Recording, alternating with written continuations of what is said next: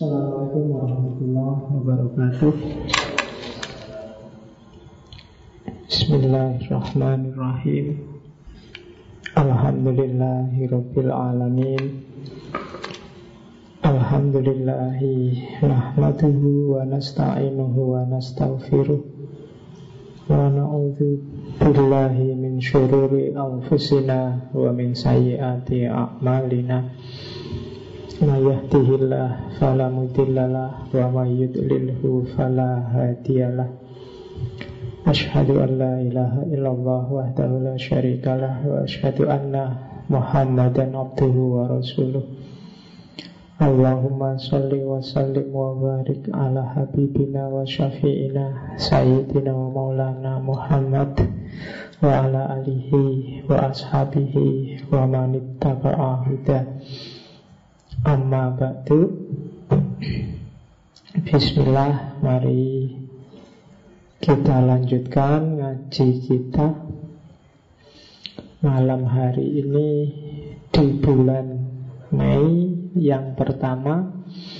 Seperti janji saya minggu lalu Bulan ini kita ketemu para martir. Martir itu Bahasa Arabnya para syahid. Cuma akan kita pilih para martir yang berkorban untuk dunia ilmu dan filsafat.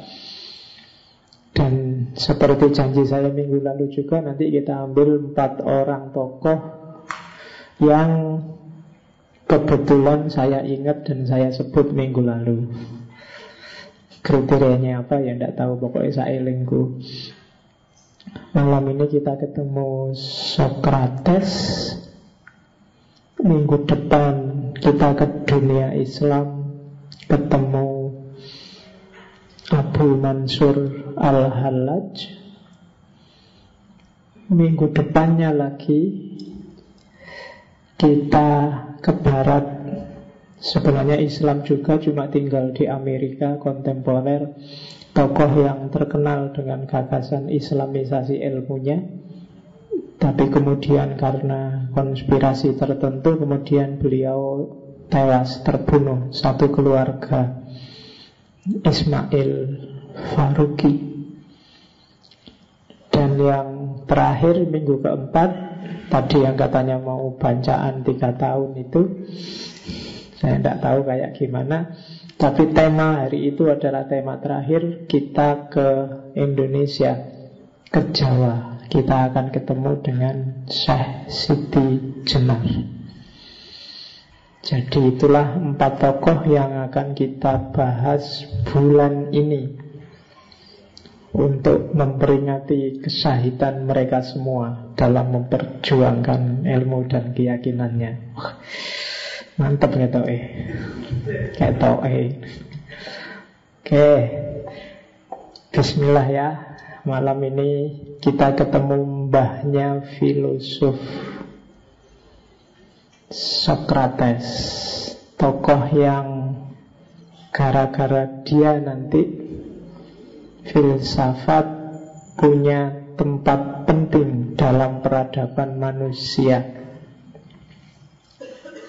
Jadi Socrates ini pengaruhnya sangat luar biasa. Kalau di bahasa Islam, seandainya bukan nabi, maka dia seorang mujadid, pembaharu besar. Dan beberapa peneliti menganggap dia makomnya kayak nabi. Dan boleh-boleh saja kamu anggap dia nabi Karena kemungkinan ke sana ada. Toh kita tidak tahu secara definitif siapa saja nabi-nabi itu. Jumlahnya ada yang bilang sekitar 125 ribu. Kadang-kadang uang segitu aja kita nggak pegang.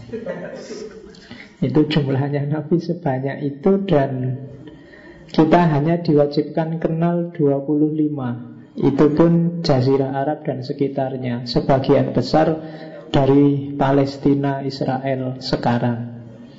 Yang di luar itu kita tidak tahu. Kalau dilihat dari tahunnya Sokrates ini muncul sekitar tahun berapa itu saya tulis? 469 399 kalau dijajar sama nabi-nabi Islam ini pasca Nabi Yunus. Nabi Yunus jadi nabi-nabi itu jarak tahunnya beberapa agak pendek kecuali dari Nabi Yunus ke Nabi Zakaria. Dari Nabi, Nabi Yunus itu meninggal sekitar 750 tahun sebelum Masehi Baru muncul Nabi Zakaria itu sekitar 100 sebelum Masehi Berarti antara Nabi Yunus sama Nabi Zakaria itu di situ ada Nabi Sokrates. Karena Sokrates 469 sampai 399. Nabi Yunus itu umurnya hanya sekitar 70 tahun. Sokrates juga sekitar 70 tahun sebelum nanti dipaksa minum racun. Sokrates ini mati dieksekusi tahunnya loh ya. Setelah Sokrates ada Nabi Zakaria juga mati dieksekusi. Setelah Nabi Zakaria ada Nabi Yahya putranya juga mati dieksekusi. Setelah Nabi Yahya ada Nabi Isa juga mati dieksekusi. Setelah Nabi Isa baru Nabi Muhammad jadi dan Nabi Isa ke Nabi Muhammad juga agak jauh jaraknya. Kalau Nabi Isa kita anggap aja lahirnya satu masehi, beliau dieksekusi umur 31 tahun. Berarti tahun 31 kurang lebih. Jadi dari tahun 31 sampai tahun 571-an Masehi. Jadi agak panjang sekitar 5 abad baru ada Nabi Muhammad dan kebiasaannya manusia kan biasanya agak nyeleweng-nyeleweng gimana setelah ditinggal nabi-nabi. Nabi Yahya itu lebih muda lagi, umur 30 tahun. Belum sempat menikah. Kalau Nabi Isa ada yang bilang sempat nikah, ada yang belum. Kalau Nabi Zakaria ya dia punya anak Nabi Yahya, mestinya ya nikah. Oke, itu kisah nabi-nabi. Saya tidak tahu kalian ngerti kan dulu gurumu masuk nggak cerita yang gini-gini. Isra Mi'raj ini kan sedang liburan Isra Mi'raj. Nabi Muhammad itu nggak tahu ya di tujuh langit itu dia nggak ketemu Nabi Sokrates. Kalau Nabi Isa ketemu. Nabi Muhammad itu kan Isra Mi'raj langit pertama ketemu Nabi Adam, langit kedua ketemu dua orang anak muda ini Nabi Isa sama Nabi Yahya. Langit ketiga ketemu Nabi Yusuf Manusia paling cakep. Langit keempat ketemu manusia paling pinter Nabi Idris. Setelah itu langit kelima Ketemu manusia yang paling pinter retorika Nabi Harun. Setelah Nabi Harun Ketemu manusia yang tegas Nabi Musa di langit ke-6 Di langit ke-7 Ketemu bapaknya umat manusia Para nabi. Di Baitul Makmur Ketemu Nabi Ibrahim. Itu bagi yang pinter silahkan dikaji. Langit itu kan jangan digambarkan langit yang ada atmosfer dan kawan-kawan. Itu semacam simbolisme evolusi spiritual yang diawali dari tanah Nabi Adam naik kelas jadi Nabi Isa dan Nabi Yahya. Naik kelas di level selanjutnya ada Nabi Yusuf. Di level keempat level kecerdasan intelektual diwakili oleh Nabi Idris dan seterusnya. Kapan-kapan kita belajar yang gitu-gitu. Kalian belum nyampe. Ya. Oke malam ini kita ambil Sokrates Tokoh besar filsafat yang Karena kalian tahunya hari ini Bayanganmu dia tokoh agung yang luar biasa. Seandainya kalian dulu hidup Zaman Sokrates ada di Athena Ketemu Sokrates Mungkin bu anggap orang gila pinggir jalan.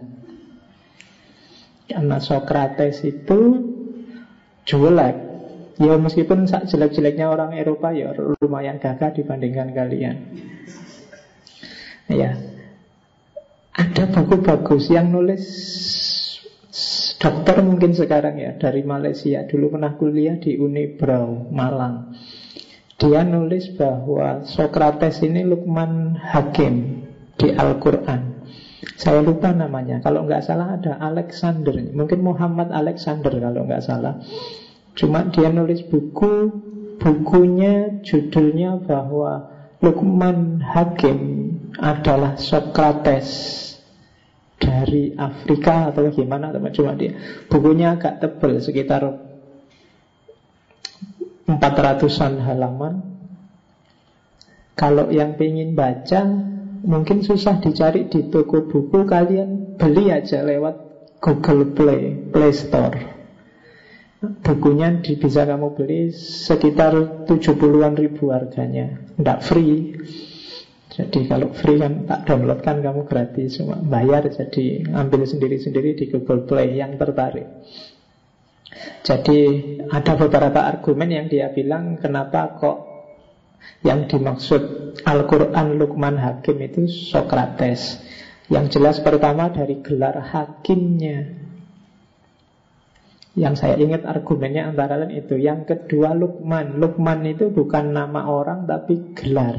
Lukman itu dari bahasa Arab Lakoma yalkomu Yang kalau dalam bahasa Arab artinya menelan. Lukman itu artinya tertelan. Apa? Bahasa Jawa ini keleleken. Nah, Itu Lukman. Ada yang namanya Lukman di sini. Nah, Lukman artinya keleleken jadi orang keleleken yang bijaksana. Kenapa disebut yang tertelan keleleken? Karena Sokrates dihukum mati dengan cara dipaksa menelan racun.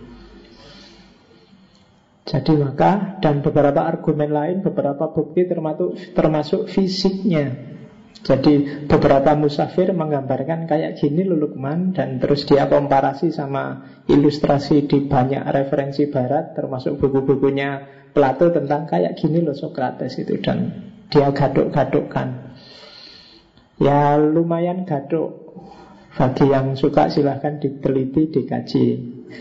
Ya ada yang bantah pastilah, tidak apa-apa di dunia ini kan bantah membantah itu biasa. Yang penting kamu ada gambaran. Ya mungkin ya mungkin enggak. Yang jelas memang Yang dilakukan Sokrates Itu sangat mirip Dengan yang dilakukan oleh para nabi. Nanti di bagian belakang tak sebut tak kutip beberapa dari apologia itu Untuk menunjukkan bahwa Sebenarnya dia merasa utusan Tuhan. Terus Orangnya itu digambar itu itu gambar yang sangat terkenal yang gambar seniman Perancis. Jacques Louis David. Judulnya The Death of Socrates. Itu momen detik-detik terakhir ketika Socrates mau dipaksa minum racun. Di situ ada Plato, muridnya ada juga Krito dan beberapa petugas penjara. Yang mana pasnya kamu cari sendiri. Aku dewe ya ora kenal. Sing jelas Plato ya yang angkat tangannya itu. Nah, angkat tangan. Itu tidak tahu itu nunjuk ke atas apa bilang kulu Allah wahad ya aku ora ngerti. ya itu lukisannya orang Perancis sana. Oke, jadi baduknya agak nolong, meripatnya agak melotot, bibirnya tebal. Ya, ya mungkin saya tidak tahu ya kok di buku-buku disebut bibir tebal itu jelek. Kalau hari ini kan disebut seksi. Lo ya kan bibir tebal itu kan enak seksi. anu, radial, anti slip. Oke. Okay. Yo cewek kalau cowok yo bibir tebal yo. Ah, terus pokoknya jelek, agak pendek, Digambarkan perutnya buncit Kerjaannya tiap hari jalan-jalan Ngajak ngobrol orang Ngajak diskusi Kalau hari ini kamu menyebutnya ngajak debat Cuma memang untuk mencari kebenaran. Biasanya nggak pakai sandal, nggak pakai sepatu. Jadi filosof yang nggak pernah sandalan itu Socrates. Kalau kuliah mesti disuruh keluar sama dosennya. Ya, jadi terus ya bajunya ya khas orang zaman itu, model-model mirip jubah kan baju-baju. Jadi jubah itu ndak harus Arab dan Islam. Orang-orang dulu sebelum ada Islam juga bajunya jubah malah kayak orang umroh. Jadi diselempangkan itu. Jadi itu Socrates orangnya lurus, kuat, Kuat itu dalam arti teguh pendirian. Kalau bahasa hari ini dia istiqomah. Terus usil. Kerjaannya tiap hari jalan-jalan. Kadang-kadang ke pasar-pasar itu. Cuma kalau ke pasar-pasar kayak kalian ke mall sekarang. Cuma lihat-lihat ya, tidak pernah beli. Kalau di, ada yang tanya, eh Socrates, sampai itu ngapain tuh? Kok hampir tiap hari masuk keluar pasar? Jawabannya cerdas. Saya masuk pasar itu dan nggak beli apa-apa karena memang saya ingin neliti berapa banyak barang yang tidak saya butuhkan. Nah, kamu nek dilakoni ngono ya. Jadi untuk menunjukkan bahwa dunia itu sebenarnya nggak penting, ternyata sangat banyak hal yang tidak aku butuhkan. Besok kalau kamu jalan-jalan di mall kok tidak beli apa-apa? Oh, aku cuma ingin lihat berapa banyak di mall ini barang yang tidak tak butuhkan. Nah, itu jawabannya Socrates gitu. Cuma nek Socrates mikir beneran kalau kalian kan memang tidak punya duit. Oke, okay. ya. Untungnya dia di akhir-akhir hidupnya sempat menikah. Ya, alhamdulillah. Cuma nggak kebetulan dapat istri cerewetnya luar biasa. Ya. Dan ketika dia dipaksa minum racun itu anaknya masih kecil-kecil. Jadi belum belum sempat besar. Meskipun dia menanam kader yang luar biasa di Yunani Athena zaman itu. Termasuk Plato dan kawan-kawan. Ada yang bilang Socrates itu didikan langsungnya Aramis, Hermes. Kalau dalam bahasanya Sedusen Nasr, Idris. Tapi perlu dibuktikan juga karena jarak tahunnya terlalu jauh. Oke, okay, atau mungkin bukan Hermes yang diasosiasikan Idris tapi tokoh spiritual zaman itu. Orang Athena zaman itu tradisi spiritualnya masih dewa-dewa dan Socrates lah yang menghancurkan cara berpikir politeistik model dewa-dewa. Meskipun suatu ketika jadi di Athena itu ada kuil namanya kuil Delphi Kota Delphi masih ada sekarang di di kuil Delphi itu ada semacam tokoh agama puncak. Biasanya perempuan. Orang sana menyebutnya ya semacam paranormal ya, disebut oracle. Di kuilnya itu. Satu ketika orang tokoh puncak ini ditanya, siapa sih orang paling bijaksana di Yunani ini, di Athena ini? Jawabannya dia Orang paling bijaksana di Athena ini adalah Socrates. Dan orang-orang podo heran kok bisa ya Padahal Socrates itu kelihatan bodoh banget Apa-apa ditakok ke Segalanya ditanyakan Tapi kok dianggap orang paling bijaksana Nanti ketika Socrates ditanya kayak gitu Karena di Yunani ini Hanya akulah orang yang tahu bahwa aku tidak tahu apa-apa Kebanyakan orang merasa dirinya ngerti apa-apa. Dan Socrates lah satu-satunya orang yang merasa bahwa Janjinya aku kira ngerti apa-apa. Untuk orang bisa sampai makom bahwa aku tidak ngerti apa-apa itu nggak gampang loh. Sampai detik ini mungkin kalian masih merasa aku sudah ngerti banyak hal Kamu selalu merasa tentang banyak hal ini aku ngerti, itu aku ngerti. Kadang-kadang kalian agak gaya, agak nyombong pengajian ini tidak usah, tidak penting. Koyo-koyo wis ngerti. Ikut ngaji itu anda usah. Ada diskusi itu, alah tema kayak gitu, simple, gampang. Seolah-olah, seolah-olah kalian merasa ngerti. Maka begitu kalian merasa ngerti, itu alamat kalian bukan orang bijaksana. Jadi orang bijaksana adalah justru orang yang tahu bahwa aku tidak tahu. Begitu kamu sadar bahwa kamu tidak tahu, maka kamu akan belajar terus. Kamu akan mengejar terus pengetahuan. Siapa pun yang merasa sudah tahu, maka dia mandek. Berhenti, yang sudah tahu. Padahal, oboyo kamu sudah tahu. Oke. Dan hampir semua tokoh besar ilmu pengetahuan itu biasanya orang-orang yang haus ilmu. Kenapa? Karena dia merasa banyak tidak tahu. Jadi mulai detik ini diubah, digeser orientasinya. Jadikanlah dirimu orang yang sadar bahwa aku sebenarnya tidak tahu apa-apa. Orang yang merasa tidak tahu apa-apa dia akan selalu dapat banyak pengetahuan baru dalam hidupnya. Sementara yang sudah merasa isi, ya dia akan selesai di situ. Nah itu sembahyang utamanya Socrates. Malam ini kita belajar orang ini.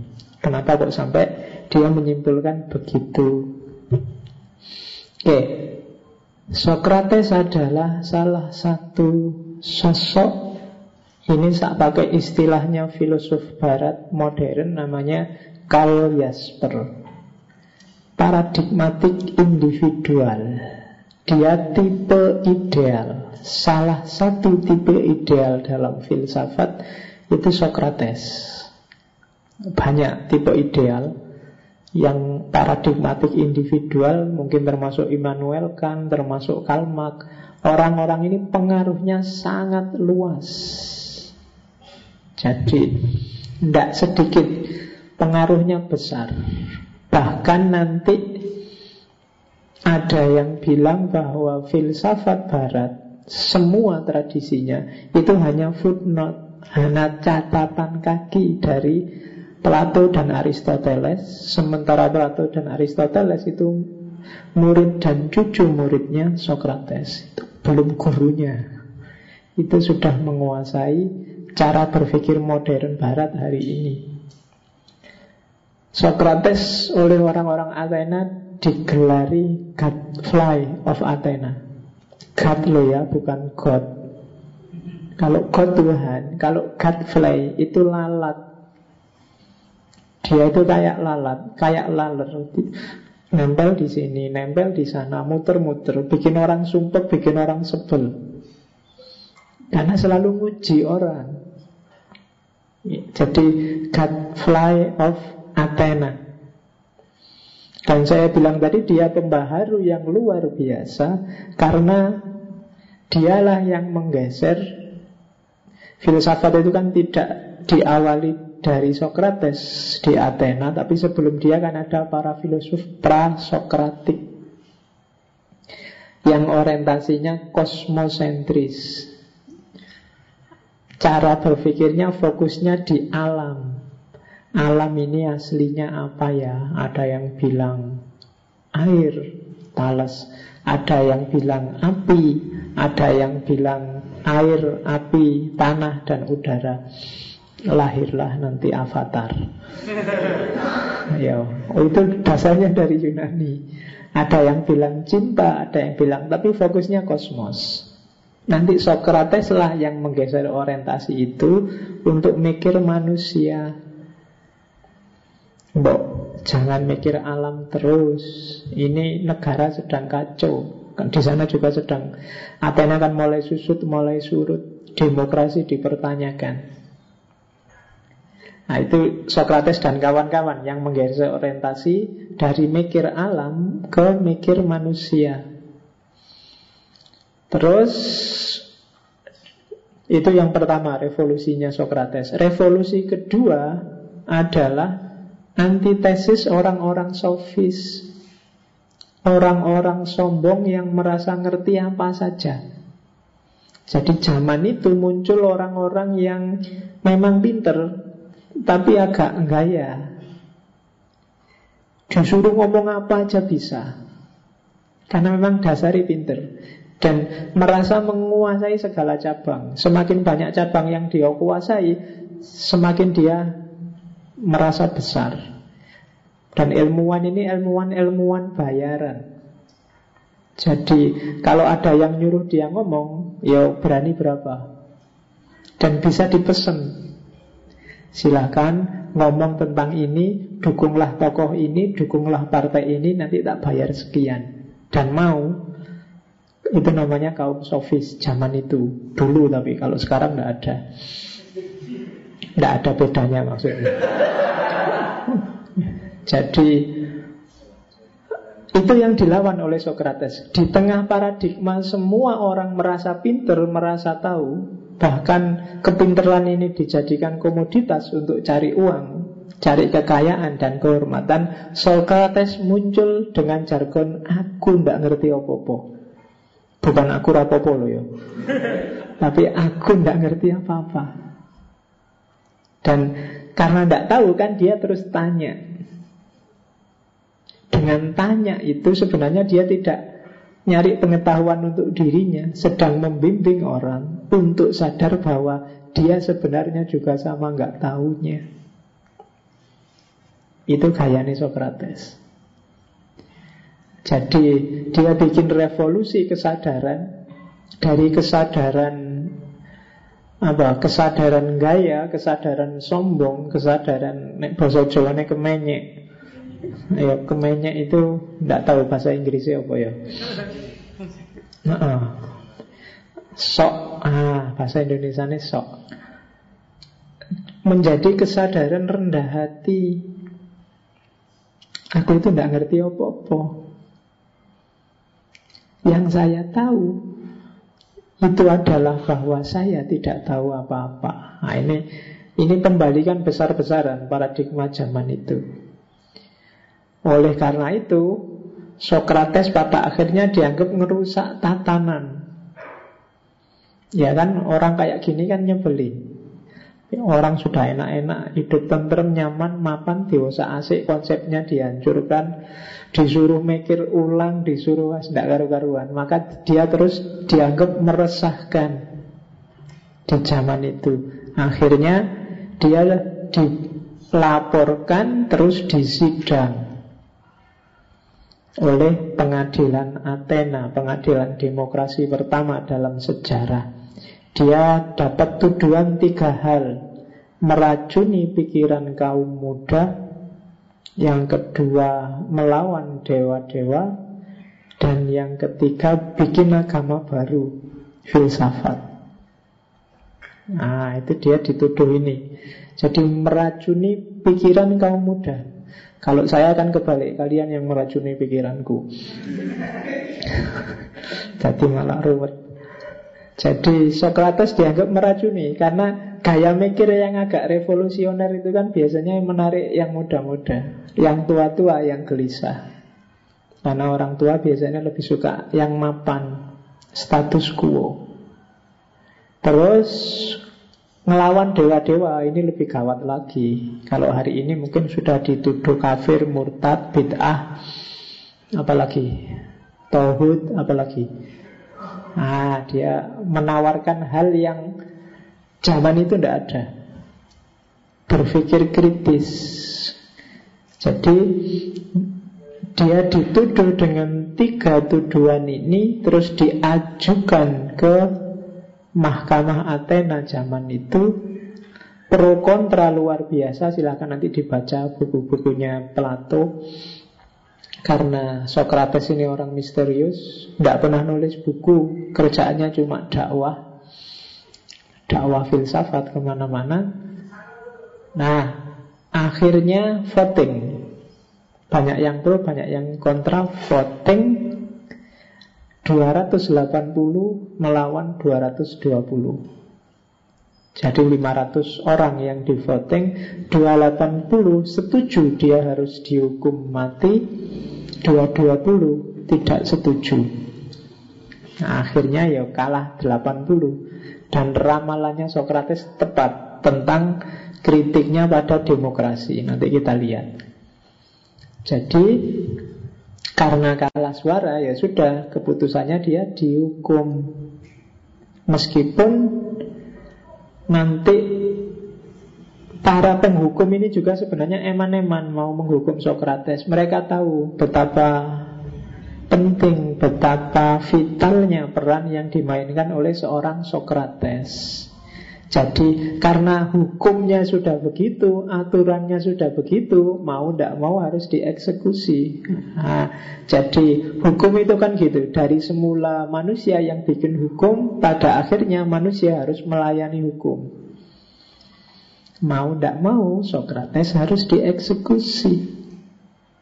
Dan sudah banyak muridnya Bahkan sipirnya penjara itu tidak pernah nutup penjara Harus dibuka. Kalau mau jalan-jalan Mau keluar, mau lari ya monggo. Mau ngilang juga tidak apa-apa. Tapi Socrates tidak. Nanti di banyak pembelaannya dia banyak ngomong melakukan testimoni bahwa Kalau dia melakukan kompromi Maka besok-besok orang anggap bahwa Ajaran-ajarannya itu tidak terlalu penting untuk menegaskan bahwa yang tak omongkan ini serius, maka silahkan aja kalau memang aturannya salah, ya saya harus dihukum. Karena di antara yang dia ajarkan adalah meskipun dia nggak setuju demokrasi, masyarakat harus bikin kontrak untuk hidupnya tertib, bikin hukum untuk ngatur kebersamaan. Kalau dia sudah ngomong bahwa hukum harus jalan. Sekarang waktunya dia dihukum kok lari. Orang tidak akan percaya lagi sama dia. Dari situ maka Ya monggolah kalau memang Keputusannya minum racun Ya minum racun.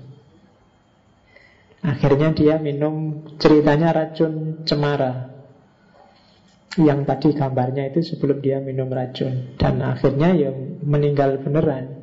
Wong ya racun beneran Ya, meskipun setelah itu murid-muridnya podo galau semua termasuk Plato sehingga Plato harus mengembara sekitar 12 tahun sampai ke Mesir dan macam-macam sehingga pikiran-pikirannya agak spiritual dibandingkan Socrates sendiri. Itu Plato. Kemarin kita sudah belajar Plato sebentar. Dan agak susah membedakan mana Socrates mana Plato karena Plato kalau nulis itu selalu pakai mulutnya Sokrates. Beberapa muridnya juga begitu. Kalau nulis pakai muridnya gurunya Sokrates. Jadi orang susah membedakan ini Plato atau Sokrates. Ya kayak kamu sekarang mungkin nulis ceramahku tiap hari mau transkrip terus kamu terbitnya Tidak apa-apa sih kayak gitu. Cuma nanti orang bingung ini kamu apa saya. Tapi ya tidak apa-apa. Tidak penting yang kayak gitu instrumentalnya. Yang penting apa? Pencerahannya. Baik saya, kalian, syukur-syukur orang lain juga kecipratan. Kalau sudah ngaji tiga tahun tidak cerah-cerah ya. Ya tidak apa-apa, mau gimana lagi? Oke, bismillah. Kita lanjutkan Ini menurut saya diawali dari sini Ngaji ayat-ayatnya Socrates. Jadi, it is not living that matters, but living rightly.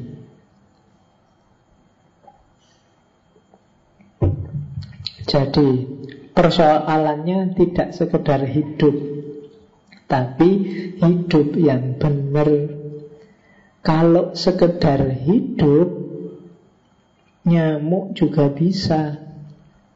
Ayam juga bisa. Semua binatang juga bisa. Manusia kan tidak disekedar suruh hidup. Nabi Adam diturunkan ke bumi kan tidak sekedar disuruh menghabiskan umur, disuruh menghuni bumi. Bahkan disuruh jadi khalifah. Jadi tidak sekedar hidup Tapi hidup yang benar itu kayak gimana Jadi tugas kita tidak sekedar menjalani hidup Tapi juga mikir dan milih hidup yang paling benar Oke, jadi awalnya di sini It is not living that matters, but living rightly. Problemnya bukan hanya hidup, tapi hidup yang benar. Ya nanti pulang dari sini mulai mikir Hidupmu sudah benar apa belum? Sudah on the right track apa belum? Boleh sambil ditulis-tulis Sambil nunggu sepak bola.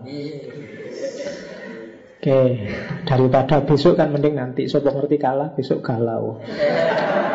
Oke Terus. Jadi cari hidup yang benar Bukan sekedar hidup saja.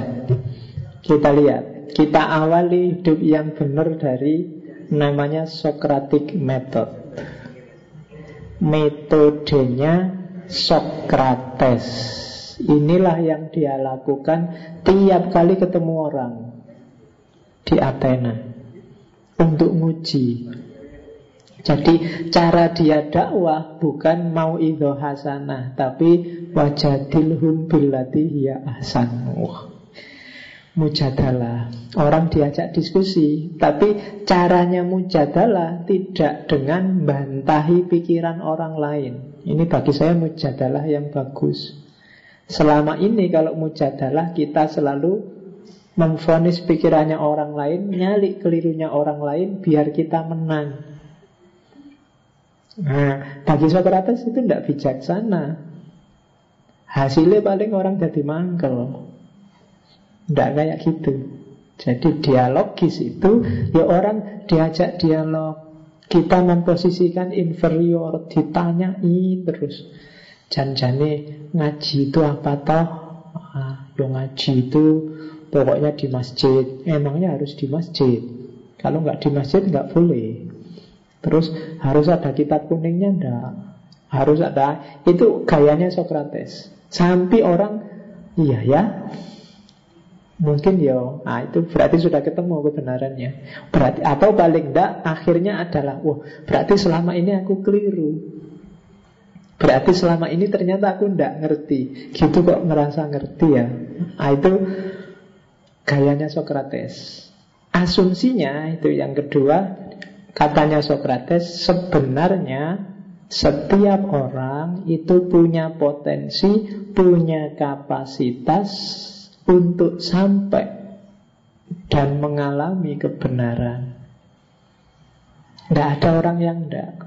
Apakah itu orang pinter yang kamu anggap sangat pinter Atau orang biasa atau bahkan orang bodoh Itu tidak ada hubungannya sama kualitasnya Secara potensial, secara kualitas Setiap orang itu mampu kok Menemukan kebenaran dalam hidupnya Hanya saja ada yang males Ada yang tidak mau Ada yang salah jalan Ada yang mikirnya keliru ada yang kiblatnya tidak pas.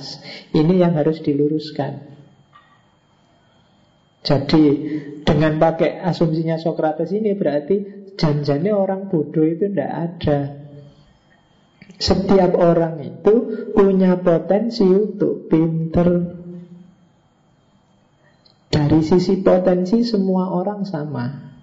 Hanya saja banyak orang yang males banyak orang yang salah strategi Banyak orang yang alur mikirnya tidak pas. Itu yang bikin satu IP-nya dua, satu IP-nya empat. Tidak ada hubungannya sama kepinteran sebenarnya. Strategimu menyikapi hidup. Jadi kamu punya potensi Setiap orang punya potensi Maka hidupkan potensi ini Gitu loh. Cara menghidupkan antara lain Socratic method.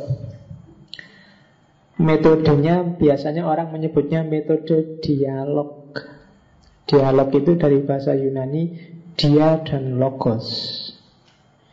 Dia itu bukan dua loh ya. Kalau logos jelas logos itu akal atau nalar atau kata. Dia itu across kalau bahasa Inggrisnya. Apa? Melintas menuju. Nah, makanya bahasa Indonesia dia itu kan untuk bukan kamu tapi orang yang di luar dia. Jadi saling dialog itu berarti apa? Saling melintas saling menuju. Tidak kok sini ngomong apa, sini ngomong apa, tapi ada komunikasi. Itu dialog namanya. Kalau di Socrates, dialog itu akhirnya antara etika dan edukasi. Tidak sekedar teori. Setiap dialognya Socrates, ujungnya adalah pelajaran apa yang bisa kamu ambil dan apa yang harusnya kamu lakukan. Itu hampir semua. Kalau hari ini kan banyak orang diskusi, banyak orang dialog, banyak orang debat Yang hasilnya ya di ruang itu saja. Keluar ruangan sudah nggak ngefek. Paling jadi tulisan, jadi buku Bukunya ditaruh di perpus nggak ada yang buka Kecuali pas kamu nyari tugas makalah. Tidak ada gunanya katanya Socrates. Ujungnya pasti kalau tidak etika ya edukasi. Didik apa sih pelajaran apa yang bisa kamu ambil untuk hidupmu Dan apa yang harusnya kamu lakukan Edukasi dan etika Kenapa harus begitu? Karena kalau di Socrates Setiap ilmu Itu pada akhirnya Harusnya menyingkap hakikat hidup dirimu. Jangan ada ilmu yang sia-sia. Ilmu itu harus menaikkan level hidupmu, mewujudkan potensimu yang sudah bagus, sudah baik, sudah pinter tadi. Jangan ada ilmu yang sia-sia. Jangan ada ilmu yang mubadir. Jadi ilmu pun jangan mubadir. Tidak ada gunanya kamu ngoleksi ilmu yang Ujungnya hanya koleksi saja Ujungnya hanya Pokoknya pinter pak Aku teori apa aja ngerti Tapi hidupmu podo ya Kayak biasa ya Tidak ada gunanya Buat apa Mubadir ilmunya Itu kayak kalau di hadis kan ada ilmu bila amal kas sajar bila samar. Ilmu berarti tidak berbuah. Tanamannya sih ada, pohonnya ada, tapi buahnya nggak ada. Tidak bisa kamu nikmati. Hanya kamu apalkan Dan itu yang dikritik oleh Socrates Setiap ilmumu tambah Maka jiwamu harus semakin telanjang. Kamu semakin paham siapa dirimu Mau ke mana dan untuk apa hidupmu. Kalau tidak ada implikasinya ke sana Kamu hanya buang-buang waktu dan buang-buang uang. Ya termasuk ngaji ini. Tiwas kamu capek ke sini Kalau hanya sekedar selesai dengan Ngerti, ngerti pak. Dan selesai, tidak ada gunanya, eman-eman Kalau bisa Hidupkan kebenaran yang kamu yakini Tidak sekedar diyakini Iman itu kan disebut iman yang sejati Kalau yo diyakini Yo diucapkan Ya dilakukan Ilmu juga begitu ya diyakini kebenarannya, ya diungkapkan dan dijalankan. Itu baru ilmu yang berbuah. Problem manusia hari ini kebanyakan ilmunya tidak nyambung sama perilakunya.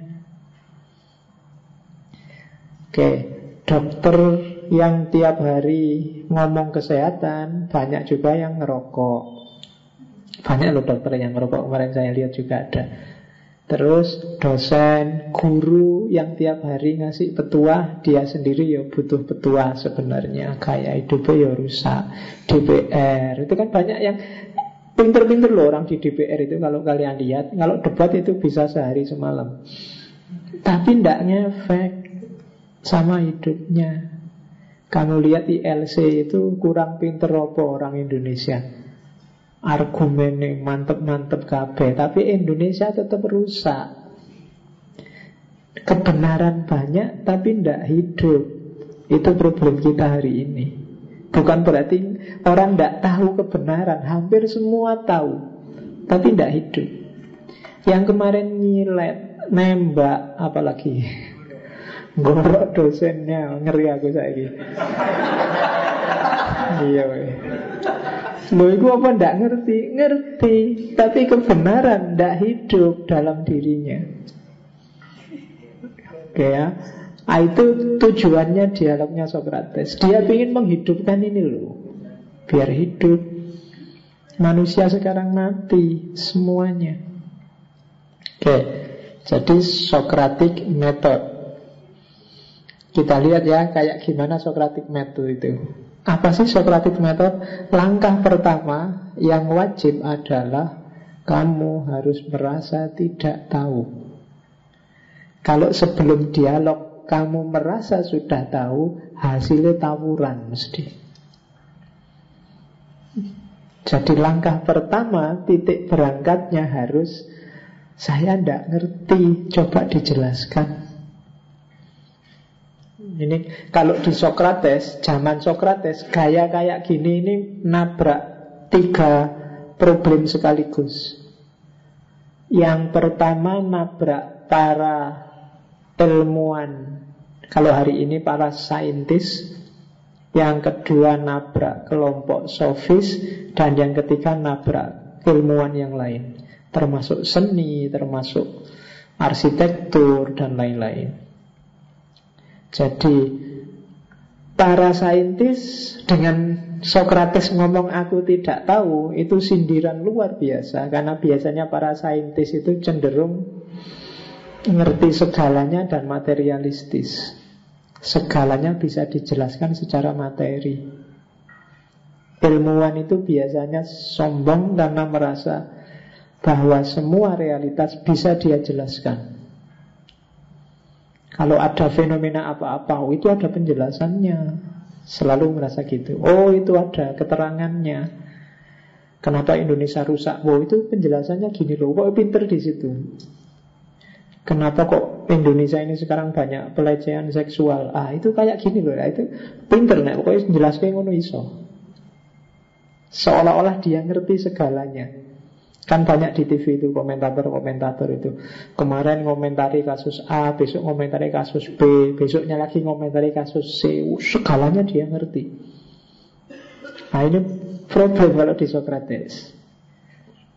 Tapi oh, itu logikanya TV Coba TV mewawancarai Socrates yo, Mungkin balik wartawannya diwawancarai sama Socrates. Ya kan? Oh saya tidak tahu Kalau menurutmu gimana. Itu mesti balik kayak gitu jadi mesti besok tidak ditemui lagi sama wartawannya. Jadi itu kritik luar biasa pada orang-orang yang merasa ngerti segalanya. Yang kedua kaum sofis, oponen kaum sofis. Kaum sofis ini ya wis. Kalau ilmuwan kan biasanya fokusnya pada ilmunya saja. Kalau kaum sofis ini segala ilmu termasuk yang supranatural, dia merasa ngerti tergantung yang bayar siapa. Itu orang-orang sofis. Pada saatnya nanti kita akan belajar Kalau kemarin politik alternatif Besok aliran alternatif Termasuk kaum sofis. Ya mereka punya logika sendiri. Hari ini kan banyak orang yang gayanya sofis. Jadi merasa ngerti segalanya Ada apa saja dia bisa ngomentari Bisa bikin tulisan Asal bayarannya cocok. Nah itu kaum sofis Itu akar katanya sama. Ada filosofia Sofia sama sofis itu satu akar. Kebijaksanaan. Cuma konotasinya jauh. Oke. Kaum sofis itu sering disebut bukan filosofia Tapi misosofia. Dia benci kebijaksanaan. Tidak ada kebenaran. Umum itu tidak ada. Kebenaran itu ada konteksnya sendiri-sendiri. Itu kayaknya kaum sofis. Termasuk juga ketika Socrates ngomong aku tidak tahu, itu kritik pada ilmuwan-ilmuwan humaniora, seniman, politisi, dan lain sebagainya. Biasanya ini mera tidak merasa ngerti segalanya sih, cuma merasa ilmunya lah yang paling penting. Agamawan itu merasa ilmu agama loh paling penting Yang lain tidak penting semua Seniman juga begitu. Oh sastra itu paling sip Ilmu paling puncak. Sama nanti Mungkin lagu musik juga merasa Musik loh yang paling puncak. Antropologi merasa yo ilmunya manusia yang sejati itu ya antropologi. Psikologi merasa Wah ilmu paling dalam itu psikologi. Intinya hidup Kabeh merasa penting Merasa tinggi. Dan itu disindir oleh Socrates. Aku kok tidak ngerti apa-apa ya Semua orang kok winter kafe semuanya. Cuma hanya aku yang tidak ngerti apa-apa. Dan itu oleh ulamanya Delphi yang perempuan tadi bilang saat Athena ini yang paling bijaksana hanya Socrates. Kenapa? Karena hanya dialah yang sadar bahwa sebenarnya dia tidak tahu apa-apa. Nah, jadi langkah pertama tidak tahu sebelum memulai dialog Awalilah toh dari kalimat Aku tidak ngerti apa-apa Coba sampai jelaskan maksudnya itu apa dan seterusnya Setelah itu langkah kedua Ironi Ironi itu nyindir, membesarkan pikiran. Jadi kamu ngerti, pikirannya temenmu itu tidak pas, keliru, salah, tapi dibesarkan dulu. Oh iya ya, Penting sekali berarti pikiran sampean itu. Saya tidak pernah lo mikir sampai ke situ. Tapi itu sebenarnya ironi. Maksudnya kebalikannya. Ah, atau pikiran kayak gitu aja kok. itu namanya ironi. Socrates dikenal dengan gaya ironinya ini. Ya misalnya ada yang ngomong apa sih cinta itu? Cinta itu pokoknya siang malam selalu terbayang dirinya. Segalanya untuk kepentingannya macam-macam. Itu baru di, Iya ya, oh agung sekali kayak gitu itu. Jarang orang bisa kayak gitu. Ah, Tapi terus dia ngasih pertanyaan lanjutan setelah itu. Baru nanti belakangan orang sadar Wah ternyata tadi itu cuma ngetawain aku toh. Nah itu namanya ironi jadi jangan kesusu disalah-salahkan nanti orangnya down. Hari ini kan gitu, begitu koncomu pikirannya salah kan kamu langsung anak bodoh mentoko ini mesti gitu. ya kan? Gini aja ndak bisa, gitu aja kan kamu mesti gitu. Ndak kalau Socrates setelah merasa ndak tahu dia gayanya ironi. Ironi itu ah, iya ya, kamu kok bisa pinter gitu belajarnya di mana ya? Saya ndak pernah lo mikir kayak gitu. Itu, padahal di balik itu mau ngomong mikir kayak gitu aja sudah bangga. Baru ngerti dikit gitu aja sudah. Ya kayak adikmu itu loh kan Kamu misalnya punya adik balita Baru bisa ngomong dikit aja kamu Walah pinter Padahal cuma bisa ngomong itu kan Aslinya kan kamu ya pujian itu kan hanya untuk membesarkan dia Biar dia tambah semangat mikir lagi Kan kamu kalau adikmu baru bisa ngomong kan kamu gak bilang Allah cuma satu kata aja, nggak usah bangga. Nah, itu besok adikmu tidak mau ngomong lagi yang masih balita.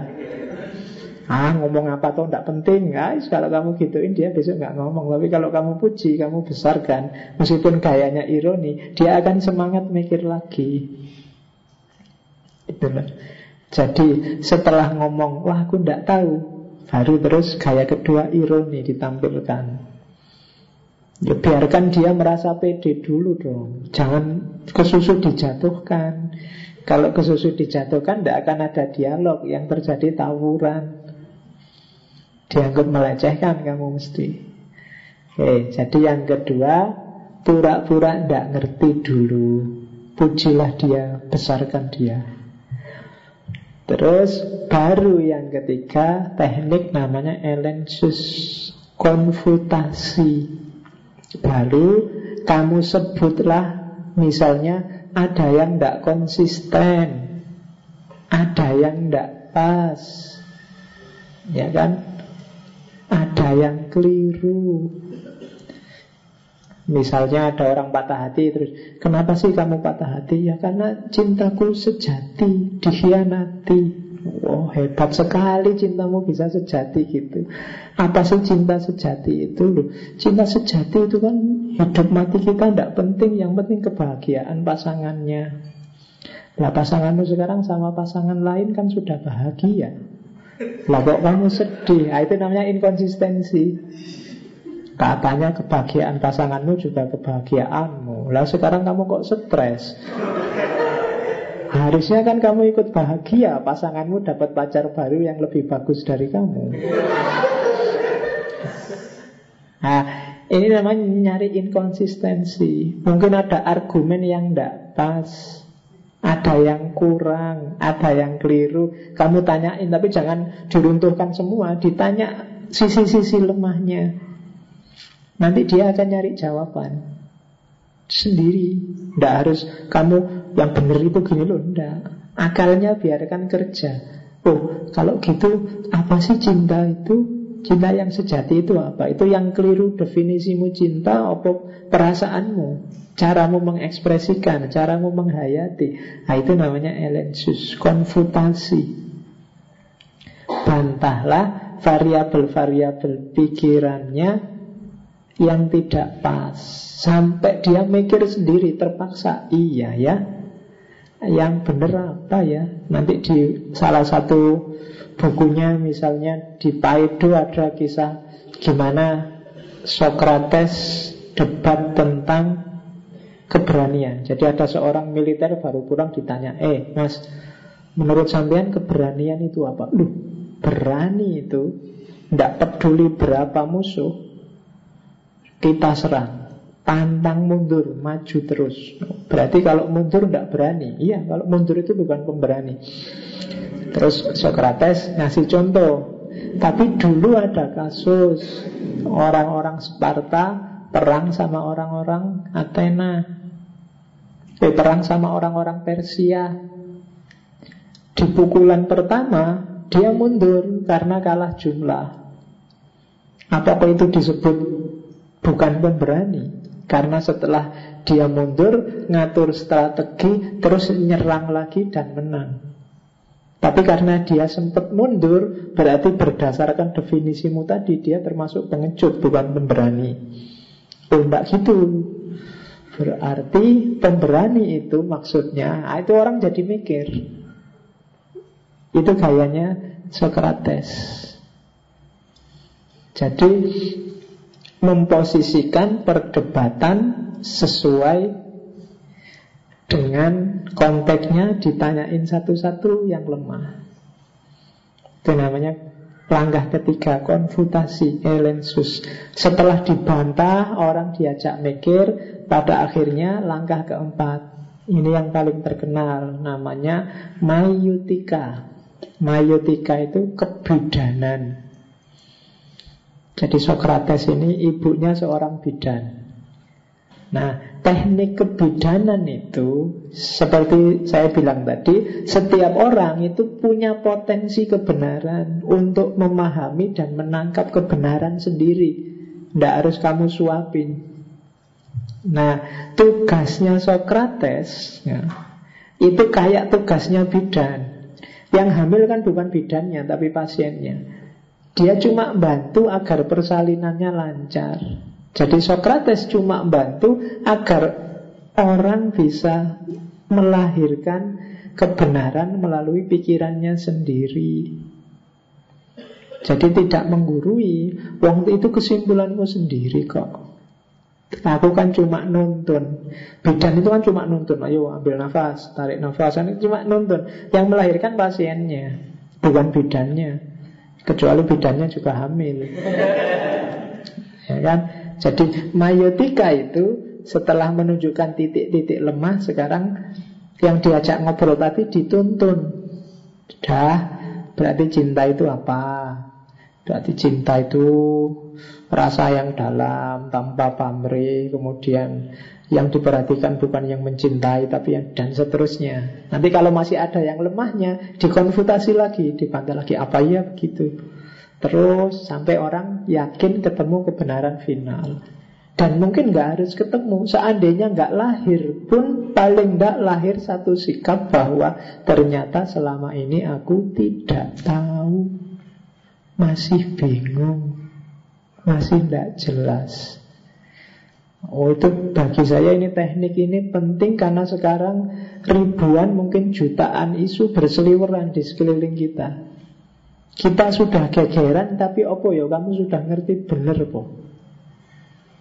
Hari ini rame khilafah. Apa sih khilafah itu? Bedanya apa khilafah sama khalifah sama khalifah? Sama, ya kan kan ada mahasiswi namanya khalifah.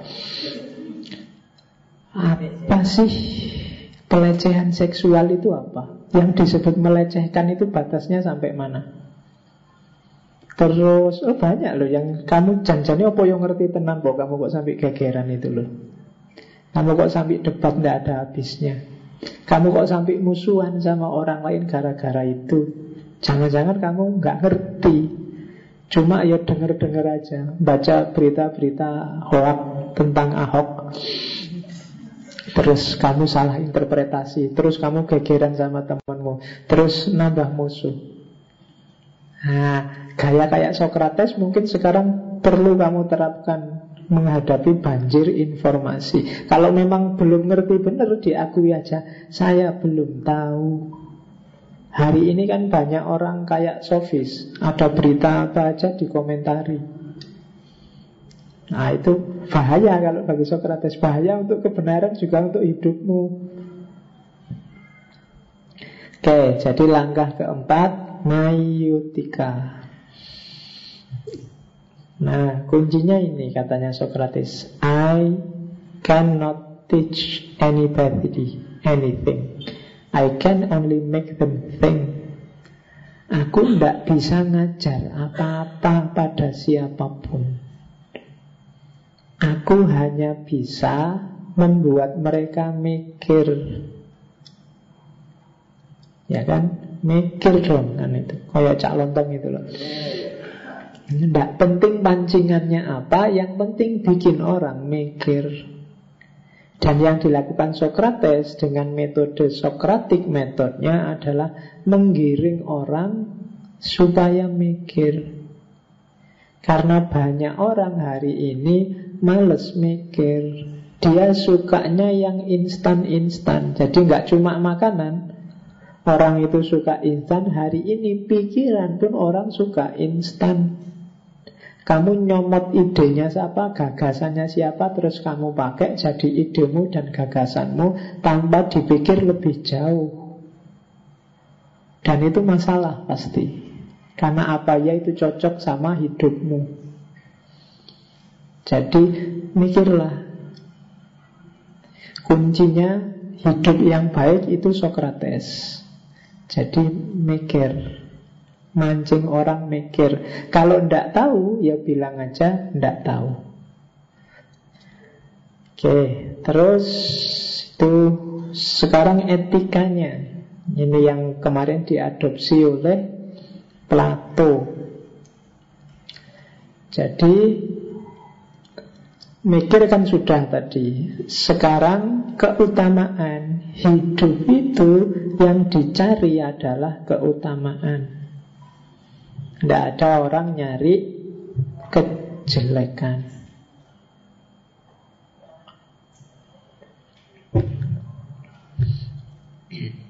Jadi yang pertama Kebajikan manusia Urusannya adalah jiwa Fisik itu dipengaruhi oleh jiwa. Ini alirannya agak ideal. Beda sama besok eksistensialis. Kalau jiwa baik, maka fisik akan baik. Maka katanya Socrates, sumber kebahagiaan itu adalah jiwa.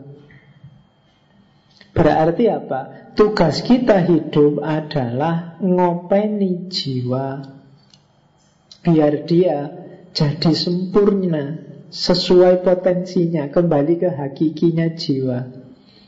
Nah fisik buat apa? Fisik itu mendukung kesempurnaannya jiwa. Maka nanti sangat terkenal semboyannya Sokrates yang sering kalian pakai hari ini. Makan untuk hidup bukan hidup untuk makan. Makan termasuk minum, termasuk kawin, termasuk apalah yang fisik-fisik itu dilakukan, dialami dalam rangka apa? Perjalanan jiwa untuk menemukan kesempurnaannya. Hakikatnya hidup di situ. Jangan berhenti di fisik, jangan berhenti di makan. Jadi tidak sekedar makan, tidak sekedar kalian belajar, tidak sekedar kalian nonton TV, tapi apa pun dalam hidupmu yang kamu lakukan, kamu pikirkan arahnya harus Kalau bahasa Inggrisnya Perfection of the soul. Menyempurnakan kondisi jiwamu. Kamu boleh suka sepak bola Mungkin kamu sah-sah saja milih ngerokok Termasuk boleh-boleh saja kamu begadang Asal ada dampak Kenaikan kelasnya jiwa Dengan saya begadang pak Menonton sepak bola Saya sadar bahwa hidup ini ternyata seperti permainan. Wah, tidak apa-apa. Ya. Kadang kalah, kadang menang. Yang sudah dijago-jago akhirnya ya kalah duluan. Yang tidak dijago malah menang. Siapa bisa membayangkan Leicester tiba-tiba juara? Loh, filsafatnya main. Saya sekarang semakin sadar. Jadi meskipun IP saya jelek, saya tidak minder, Pak. Wah, gitu loh. Ya saya pengerti Meskipun IP jelek Nasibnya juga Baguslah aja lah Jadi ah, Itu perfection of the soul Apa pun yang kamu alami Kamu pikirkan, kamu lakukan Harus ada dampak positifnya Terhadap Unsur paling hakiki dalam hidupmu Yaitu jiwa Melahirkan kesadaran-kesadaran baru semakin evolutif, semakin baik. Ngerokok mungkin ya secara fisik kesehatan dia jeleknya luar biasa, tapi mungkin dengan ngerokok ada perfection of the soul-nya. Saya dengan ngerokok ini jadi sadar Pak Betapa lemahnya fisik manusia itu Wah, loh Jadi, nah, sudah apa-apa itu Itu namanya arete jadi segala yang membuat jiwa optimal dalam fungsinya, maka dia utama. Nah, cuma katanya Sokrates ini ya. Tadi kan contohnya segala hal. Cuma untuk tahu mana sih yang benar-benar meningkatkan kualitas hidupmu karena sempurnanya jiwa atau mana yang sebenarnya tidak, mana yang hakiki, mana yang palsu, kamu butuh pengetahuan. Kalau kamu tidak punya pengetahuan, tidak akan ketemu. Kamu anggap dia bikin jiwamu sempurna, tapi ternyata mungkin tidak. Loh dengan ngerokok itu saya sadar itu loh Pak. Pengetahuanmu perlu ditambah lagi. Kita butuh pengetahuan. Karena kalau tanpa pengetahuan, ya tanpa data, ya mungkin pinginnya kamu menaikkan kelasnya jiwamu, mungkin malah mendegradasi. Jadi mungkin kamu pinginnya jadi orang utama malah jadi hancur. Kenapa? Pengetahuannya kurang. Pak, saya ingin latihan menahan diri, Pak. Tidak makan, tidak minum 40 hari, 40 malam, Pak. Eh, pengetahuanmu kurang. Nggak mungkin kamu bisa mati. Karena kita makhluk hidup yang normal. Nah, mekanisme makhluk hidup, nah, belajarlah. Jadi pengetahuan jadi kuncinya. Maka pengetahuan itu adalah bagian utama dari keutamaan. Jadi perilaku yang utama itu demi perfection of the soul dan untuk tahu mana yang perfection of the soul, mana yang tidak, kita butuh pengetahuan. Nah, nanti ini teorinya kayak di diwarisi Plato kemarin. Kalau orang pinter itu pasti dia tidak akan berbuat jahat. Semakin pinter orang, dia akan semakin baik. Kalau ada orang ilmunya tambah tapi perilakunya nggak tambah, maka ada yang salah dalam pengetahuannya. Orang pinter itu tahu baik, tahu buruk, tahu benar, tahu salah. Kalau dia memang benar-benar pinter, dia tidak akan mau melakukan yang buruk dan yang salah. Kenapa? Dia tahu resikonya. Kalau nekat berarti kamu nggak sadar dengan resikonya.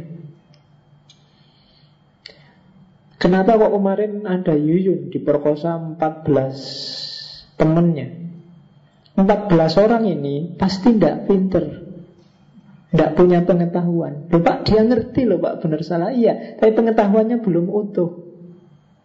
Kalau versi Socrates loh ya. Kalau dia ngerti pikirannya panjang sampai menjangkau resiko-resiko yang akan dia tanggung, dia tidak akan mau. Nah itu kan karena mabuk pak. Ya makanya karena dia mabuk ilmunya hilang. Jadi semakin Kalau kamu ngerti betapa rusaknya misalnya nyontek, kamu tidak akan mau nyontek dengan segala resikonya. Tapi selama ini kamu hanya tidak ngerti resikonya nyontek. Ngertimu pokoknya kalau nyontek asal tidak ketahuan, nilai bagus saja pak. Tapi mungkin kamu nggak melihat dampaknya untuk jiwamu, dampaknya untuk mentalmu, pendidikan apa yang sedang kamu tanamkan untuk jiwamu. Itu semakin kamu sadar bagaimana Semakin lengkap ilmumu, semakin kamu akan jadi orang baik. Itu maunya Socrates. Kok ada orang pejabat, sudah pejabat, sudah kiai juga, tapi kok masih korupsi, sebenarnya dia kurang pinter. Apalagi korupsinya ketahuan, saya ora pinter. Iya. Jadi Harusnya kalau dia pinter Dia ngerti Dampak yang harus dia tanggung dari korupsinya. Dengan enaknya dia korupsi Itu tidak imbang. Dulu. Jadi ada keutamaan Kamu sama pacarmu. Nginep di hotel berdua Enak sih. Tapi kan sebentar Kamu paling kuatnya berapa? Tapi dampaknya yang kamu tanggung Oh itu bisa panjang. Kalau kamu cerdas kamu tidak akan mau. Apalagi kalau terjadi kecelakaan. Oh, wassalam kamu tidak akan bisa tidur itu. Paling kamu nanti nyari iklan yang itu. Terlambat bulan Ini mesti gitu Iya tapi kalau kamu akalmu panjang juga Kamu gak akan serta-merta manut apa isinya iklan itu. Karena dampaknya juga luar biasa. Kamu nekat ke situ karena kamu gak tahu dampaknya. Baik untuk psikis, psikologis, kesehatan dan seterusnya. Itu yang dimaksud oleh Socrates. Keutamaan itu Sumber utamanya adalah pengetahuan. Itu yang di level apa pun, agama apa pun, ajaran apa pun, tidak ada satupun yang bilang ilmu itu tidak penting. Semua bilang ilmu itu penting. Kuncinya hidup itu ada di ilmu. Ya kan? Nabi Adam aja sebelum turun ke bumi kan sama Allah disangoni banyak ilmu. Wa alama adamal asma'akullaha Kenapa? Ya bukannya hidup itu ilmu. Kita tahu yang baik dan buruk itu ilmu. Cuma memang kadang-kadang kita males Jadi Allah terus jengkel ini dikasih akal, dikasih ilmu Tidak dipakai-pakai Sudahlah Terus diturunkanlah Nabi. Coba dibantu orang-orang itu Biar ngerti yang benar mana. Oh, Sudah dikasih fasilitas kalau nggak dipakai Nah itu juga masih judek Masih orang-orang gampang lupa Nabinya meninggal sesaat lagi. Dia kasih kitab suci Biar biar nggak hilang-hilang acaranya Kan gitu fasilitasnya Allah. Tapi sebenarnya fasilitas yang paling utama Itu akal kita Untuk menangkap pengetahuan. Itu namanya arete Keutamaan. Jadi dalam hidup Mari kita cari yang utama itu kunci pertama. Kunci kedua hidup kita adalah itu kalau bahasanya Socrates menguasai diri. Istilahnya ada tiga: enkratia, libertas, dan autarsia. Enkratia ini penguasaan diri. Engkau adalah raja atas dirimu. Dan yang harus jadi raja adalah akalmu. Jadi kuasai dirimu Dengan apa? Dengan pikiran Dengan akal Dengan refleksi. Jangan mau dijajah oleh apa pun dan siapa pun. Bebaskan dirimu Termasuk dari dirimu sendiri. Nah ini kalimatnya agak puitis. Bebaskan dirimu Termasuk dari dirimu sendiri. Itulah libertas Libertas itu apa? Bebas, bebas maksudnya apa? Bebas maksudnya Sokrates adalah kekuasaan rasionalitas atas animalitas. Dalam dirimu ada dorongan-dorongan hewani yang kamu diperbudak oleh itu. Nah, kamu bebaskanlah dirimu dari itu, jadikan satu-satunya yang nyetir kamu itu akal. Itu libertas. Jadi kalau kamu sudah menguasai dirimu dan akal yang nyetir segalanya, maka kamu akan mandiri. Hidupmu akan nyaman. Hari ini masih sering terjadi konflik dalam dirimu antara rasionalitas dan animalitas. Kamu cari ilmu tapi ditakut-takuti dengan pekerjaan. Ya kan? Kamu belajar ditakut-takuti besok bisa makan apa enggak. Kamu selalu gitu. Jadi rasionalitas selalu dilawankan dengan animalitas. Kamu ingin sementara fokus studi dulu tapi ditakut-takuti nyari opacar besok kamu tidak laku loh. Oh itu kan animalitas. Jadi kuasai dirimu Rasionalitas yang harus main Bukan kebinatangan Kebinatangan itu ya Semua yang berhubungan dengan binatang Yang ada pada binatang Makan, minum, kawin Nyari enak sendiri itu Normal manusia kayak gitu Tapi harus disetir Jangan dibebaskan Yang nyetir siapa? Akal Rasio jadi filosof-filosof awal itu sangat menekankan pentingnya akal sehat. Maka akalmu harus sehat. Minumlah vitamin untuk akal sehat. Cuma ya bukan pil Vitaminnya akal sehat itu apa? Baca Ya bukan pil Kamu nanti beli pil yang untuk bikin cerdas Ya nanggung kalau kalau minum pil jangan yang bikin cerdas tapi yang bikin bejo. Ya kan ngapain mikir susah-susah langsung untung aja lah.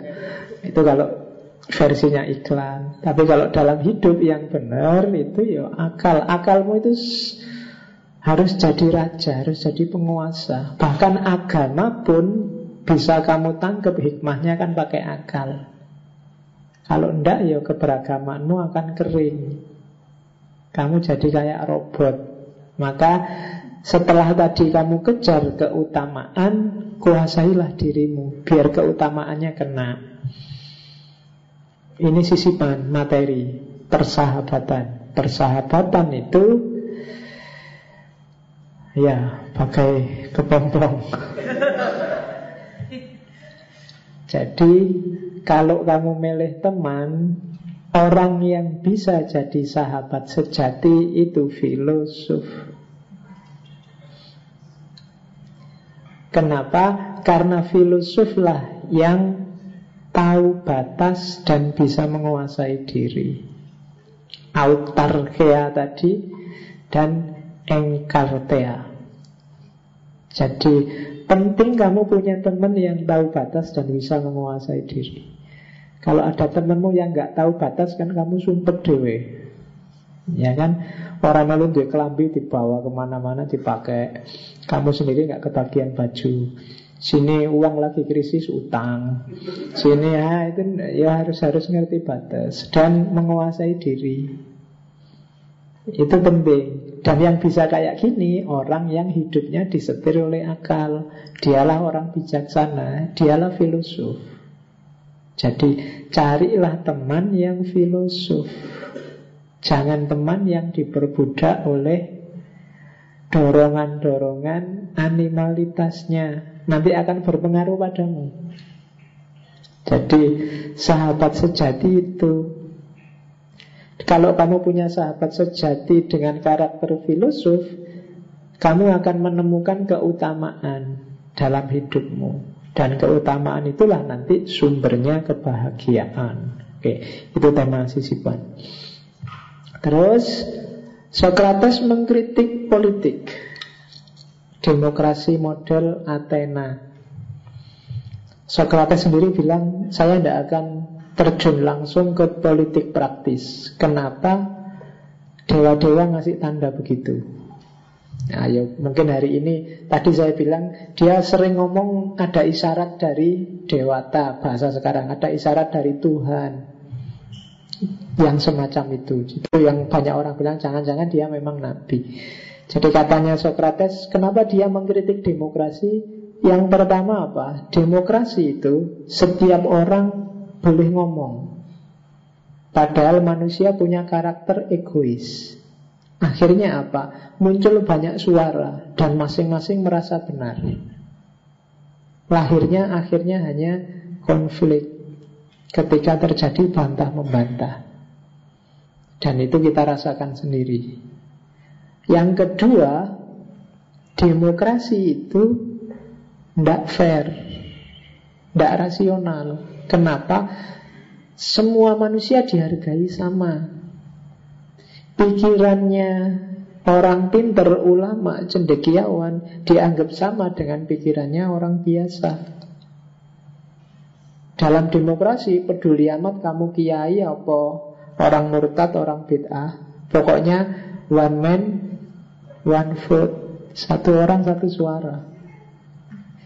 Jadi kamu debat sampai jungkir walik urusan Ahok itu Jawabannya kan simpel Tinggal ditunggu besok siapa yang milih paling banyak Mbok kamu sekarang bikin argumen sak buku untuk mendukung Ahok atau menjatuhkan Ahok Tidak ada gunanya Yang paling berguna itu Sangonilah orang-orang untuk milih siapa Bahkan kuncinya di situ One man, one vote Mbok ada kiai besar yang berfatwa Tidak fungsi Lo ada filosof yang menunjukkan rasionalitasnya di sini tidak fungsi. Yang penting one man, one vote, satu orang satu suara. Itu kelemahannya demokrasi. Meskipun demikian, ya bagi Socrates yang penting masyarakat tertib itu kan tujuannya politik. Ya monggo dipilih yang cocok. Kalau dia sih merekomendasikan kayak Plato. Yang penting pemimpinnya harus orang yang bijaksana. Orang yang sudah menaklukkan dirinya sendiri. Jangan milih pemimpin yang kalah oleh dirinya sendiri.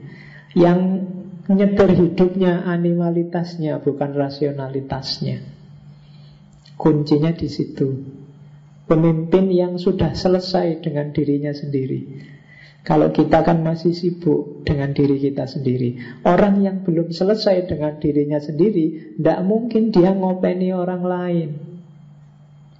Keinginannya sendiri masih sangat banyak. Tidak mungkin dia mikir keinginannya orang lain. Maka katanya Socrates Cari filosof yang selesai dengan dirinya sendiri Akan lebih enak jadi pemimpin Wong dia sendiri masih sumpah kok disuruh mikir orang lain, tidak mungkin bisa. Jadi kuncinya di situ kalau katanya Socrates. Politikus sejati berarti orang yang sudah menang melawan dirinya sendiri. Dan ya katanya Socrates, yang penting masyarakat harus dididik terus-menerus paling tidak dengan gaya Socrates method agar dia sadar hakikat hidupnya, sejauh mana dia butuh negara atau tidak dan seterusnya. Itu namanya pendidikan politik. Kalau mau bikin perubahan, kalau gayanya Socrates berarti gaya revolusi yang anti kekerasan. Kalau Socrates mau mungkin muridnya banyak loh dia bisa bikin gerakan tersendiri tapi tidak. Dia lebih milih dakwah biasa aja pakai mulut dan begitu ada kasus melibatkan hukum bahkan dia sendiri terancam hukuman mati ya dia terima.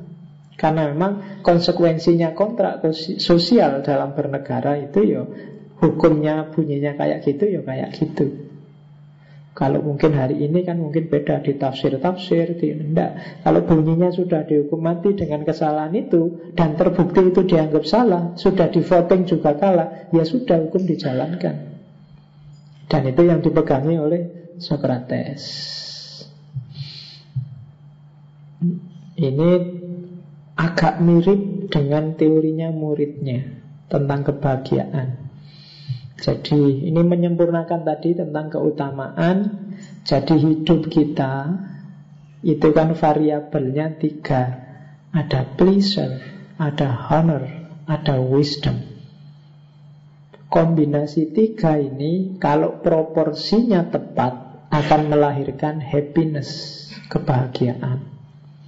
Awas keliru. Jadi pleasure itu kesenangan Kesenangan iya, tapi jangan overdosis.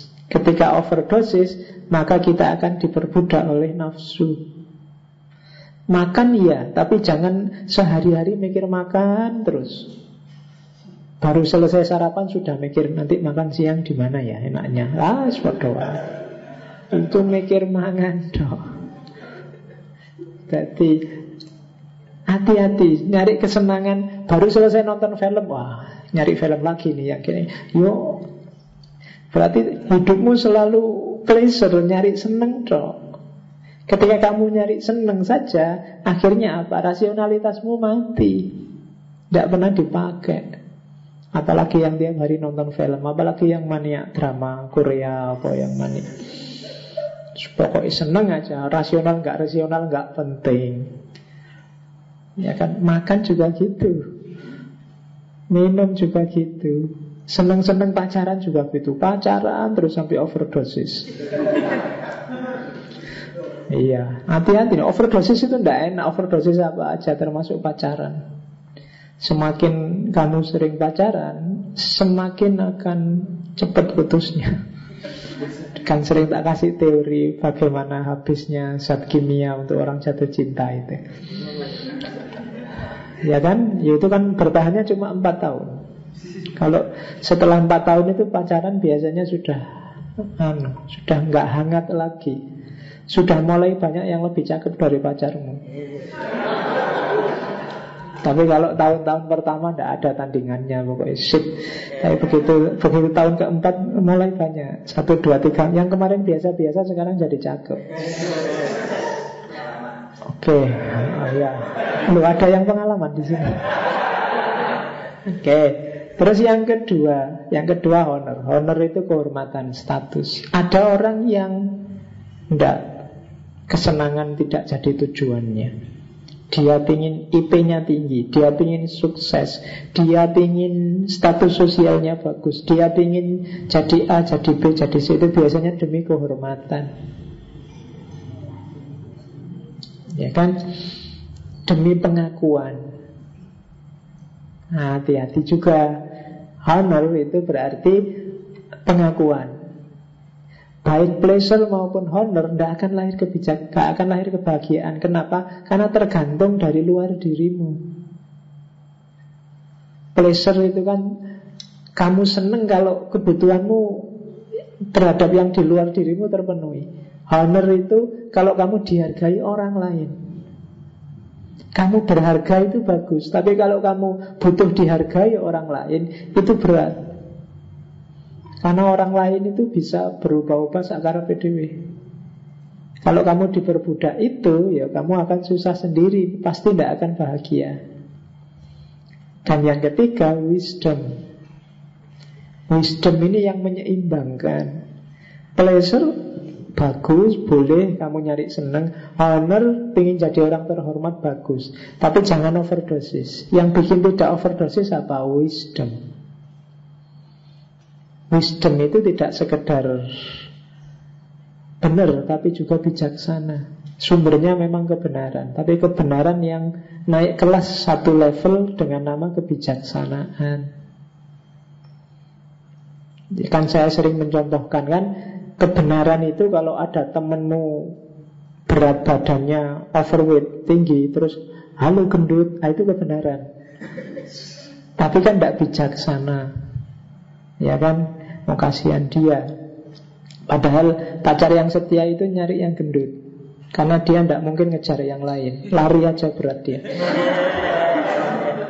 Oke. Ya kan beratnya overweight. Jadi abot oke jadi pleasure, honor, dan wisdom. Maka kuncinya ada di wisdom, kebijaksanaan. Nah ini penjelasannya tadi Kebahagiaan bukan dalam kesenangan Kebahagiaan bukan dalam kehormatan Tapi kebahagiaan butuh wisdom Apa sih wisdom itu? Ini loh wisdom itu Ini kalimat-kalimat yang terkenal dari Socrates Untuk menemukan kebijaksanaan Kuncinya apa? Know yourself. Gnotis autumn Kenali dirimu. Siapa kamu Berapa dosismu untuk bikin seneng apa bikin sedih? Cirimu itu apa? Kamu nggak kuat kalau lihat apa? Kamu seneng kalau lihat apa? Kamu sedih kalau ngalami apa? Itu know yourself. Coba dikenali deh dirimu. Itu yang pertama. Yang kedua Ujilah hidupmu biar berharga Ya agak mirip dengan yang menguji itu maksudnya. Setelah kamu kenal, kamu tes Apa benar sih aku itu harus kayak gini? Itu examinate life. Aku itu orangnya agak males kalau kuliah. Oh itu berarti ciriku itu. Kalau kuliah males. Kalau nongkrong semangat apalagi ngangkring. Tapi apa ya pas ya aku kayak gini? Itu namanya menguji hidup Hidup itu semakin kamu uji Semakin dia berharga. Jarang oh, Kalau mengenali diri mungkin banyak orang ya. Apa seleraku, apa keinginanku. Tapi menguji hidup Apa iya sih aku harus begini? Wong cita-citaku itu lo bisnis. Lah kok aku kuliah tafsir itu gimana ya? Nah ini loh. Itu namanya menguji hidup. Kok bisa ya aku dulu? Ah itu menguji hidup Jadi examinate life Ujilah hidupmu. Kalau dua sudah Baru putuskan. Itu prinsip freedom Self-rule Aturlah dirimu kemudian. Berarti yang bagus itu Meskipun seleraku A Harusnya sekarang aku B Janjane pingin sih aku nggak usah menyelesaikan aja kuliah Ngapain sih mau kuliah. Tapi seandainya nggak tak selesaikan Efeknya gini, gini, gini, gini. Oke lah berarti aku milih ini aja. Itu namanya self-rule. Rumusnya self-rule itu Wanting what you ought to And knowing what that is. Ingin apa yang harus kamu inginkan Dan tahu apa sih yang kamu inginkan itu banyak orang ingin sesuatu Tapi dia tidak tahu apa yang diinginkan itu. Saya pak Ingin IP 4 Terus ngapain kalau IP 4 Ya kumulat pak. Setelah kumulat ngapain? Ya tidak tahu juga pak. Yang penting kumulat. Itu namanya kamu nggak tahu kenapa Kamu ingin itu. Silahkan diinginkan Tapi tahu kenapa kamu ingin itu Nah itu wisdom namanya Bijaksana. Oke Nah kuncinya ini nanti di Socrates. The secret of happiness Is not found in seeking more But in developing the capacity to enjoy less. Rahasia hidup bahagia Itu bukan tidak ditemukan dalam mencari yang lebih lebih kaya, lebih cakep, lebih enak, tidak di situ. Jadi bukan dengan kalau IP bukan dengan nyari IP yang lebih tinggi terus, kalau pacar bukan dengan nyari pacar yang lebih cakep terus, bahagia tidak di situ. Bahagia itu in developing the capacity to enjoy less. Meningkatkan kapasitas dirimu untuk bisa menikmati yang kurang sempurna, yang tidak 100% Jadi bahagiamu itu bukan nyari pacar yang lebih cakep Tapi kemampuanmu untuk menerima pacar yang biasa-biasa aja. Semakin kamu bisa menerima yang biasa-biasa aja Semakin kamu bahagia. Tapi kalau kamu ngejar yang cakep Kamu tidak akan bahagia Karena akan selalu ada yang lebih cakep. Nah, kaya juga begitu. Kalau bahagiamu adalah nyari yang lebih kaya dan ingin lebih kaya, lebih kaya, nggak akan ketemu bahagia. Bahagia itu kamu bisa menerima berapapun kekayaanmu sekarang. Jadi developing the capacity to enjoy less. Semakin kamu canggih menikmati yang lebih rendah, hidupmu akan semakin bahagia. Semakin kamu bersyukur. Sebenarnya saya kos-kosan kelas 100 ribu, 200 ribu sudah cukup Bapak Sekarang 300, Alhamdulillah Bahagia. Tapi kalau kamu kos itu memang yang enak Yang satu jutaan ke atas Pak. Kalau nggak terpaksa saya enggak Bapak kos kayak gini ini ya Gimana lagi kuatnya? Cuma gini ya, Itu kamu tidak akan bahagia. Tapi semakin kamu kuat Dengan yang kelas rendah Kamu akan semakin bahagia. Dengan angkringan aja cukup Kalau kamu dibawa ke restoran Kamu akan sangat bahagia. Tapi kalau restoran bagimu belum cukup Dibawa ke restoran pun Tidak ada rasanya. Kamu tetap nuntut yang lebih.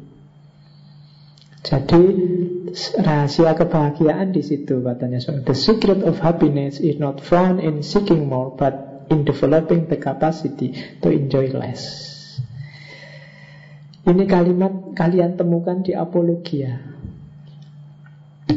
Jadi itu yang saya bilang, jangan-jangan orang ini mungkin bisa kualifikasi. Jadi terakhir ketika dia disuruh membela diri waktu mau dieksekusi, katanya Socrates pesannya ini. Jadi aku harus mengulang kata-kataku ini kepada siapa pun yang kutemui, baik tua ataupun muda, warga di sini atau orang asing.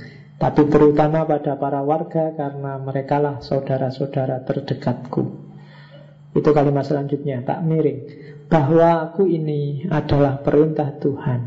Dan aku yakin tak ada kebaikan yang lebih baik pada negeri ini selain pengabdianku pada Tuhan.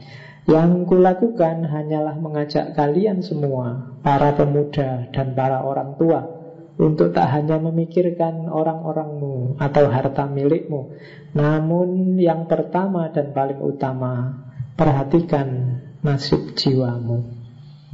Kukatakan kepadamu bahwa kebajikan bukanlah dengan menerima uang dan harta, tapi bahwa kebajikan itulah harta dan segala hal yang baik dari diri manusia akan muncul baik di tengah publik maupun dari individu.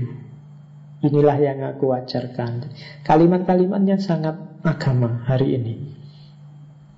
Warga Athena, bila kalian membunuhku, kalian tak akan mudah menemukan pengganggu sepertiku yang Tuhan telah anugerahkan kepada negeri ini. Negeri ini bak kuda ningrat yang besar, yang berjalan demikian lamban lantaran ukuran tubuhnya. Ia mestilah diusik agar hidup kembali. Dan akulah pengganggu itu yang Tuhan telah tempatkan di negeri ini. Dan di sepanjang waktu, di mana-mana, aku akan selalu mendekatimu, membangunkanmu, membujuk, dan mengusikmu. Itu kalimat-kalimat terakhirnya Socrates.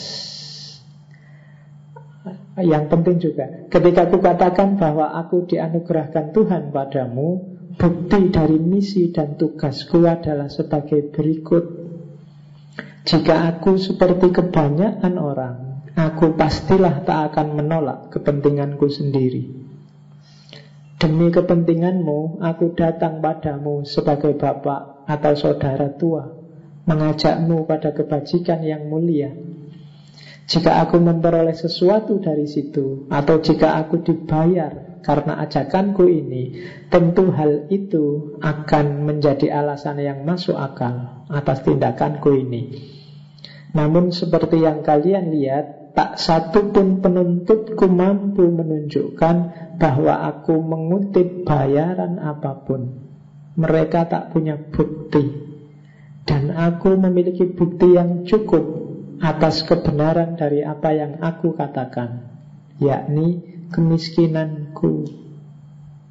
Jadi katanya Socrates, kalau mau kaya dan minta bayaran, muridku banyak yang kaya.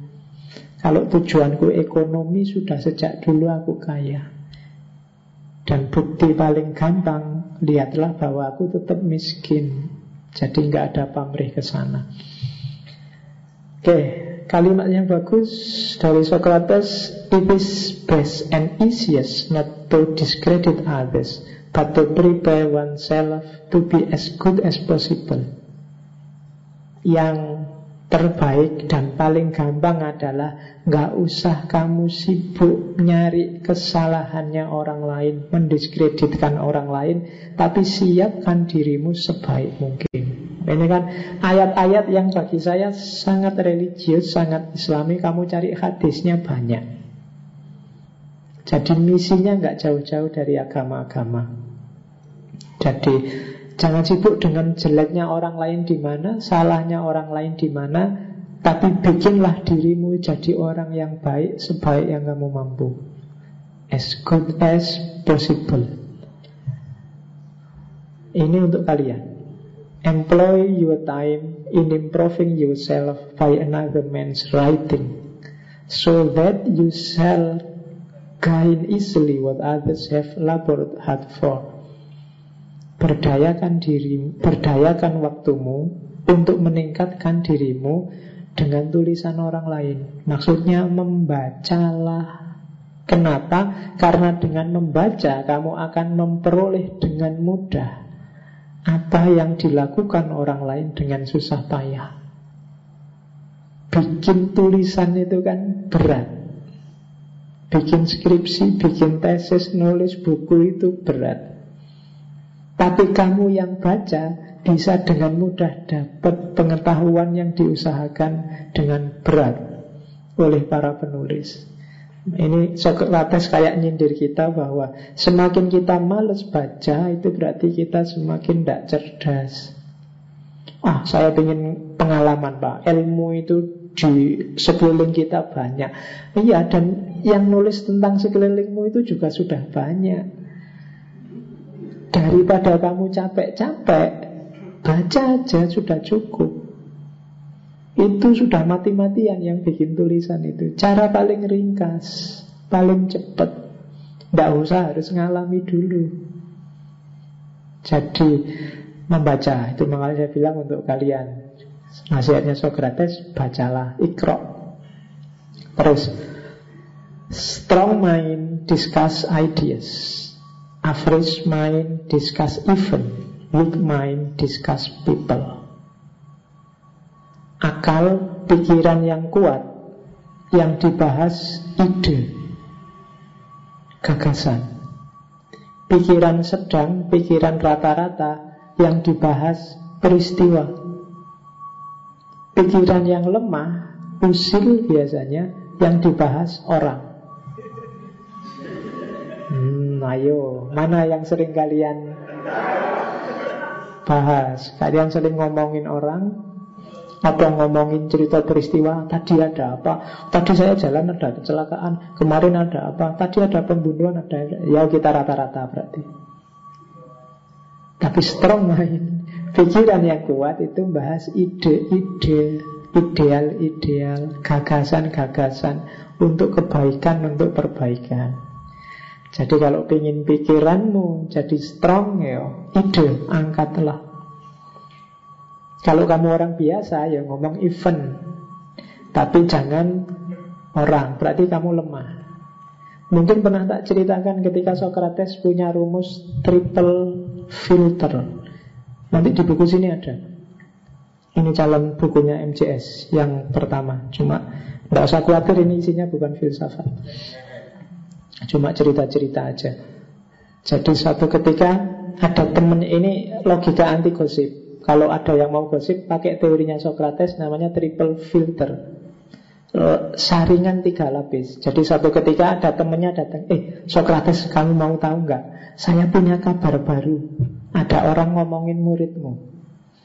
Socrates terus se, se, sebelum kamu ngasih kabar Jawab dulu tiga pertanyaanku. Kan Biasa Socrates itu gitu kalau tiga ini terjawab, oke lah, tidak apa-apa.